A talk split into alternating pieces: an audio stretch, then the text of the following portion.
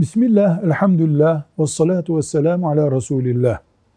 Babasının evinden kaçarak evlenmiş bir kız için, yani düğün yapmamış, babası annesi göndermemiş, birisiyle anlaşmış, çekmiş, gitmiş bir kız için zina etti, ediyor diyebilir miyiz?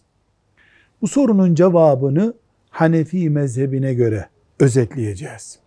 Eğer Müslüman iki şahidin huzurunda nikah kıyarak kaçıp bir erkekle evlenmişse zina yaptı demeyiz.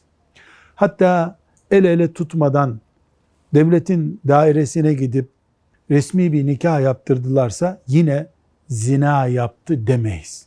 Ama kaçtı gitti bir uzak kulübede üç gün beş gün kaldılar bu zinadır. Bu ümmeti Muhammed'in hiçbir aleminin, hiçbir mütefekkirinin zina değildir diyebileceği bir şey değildir. Velhamdülillahi Rabbil Alemin.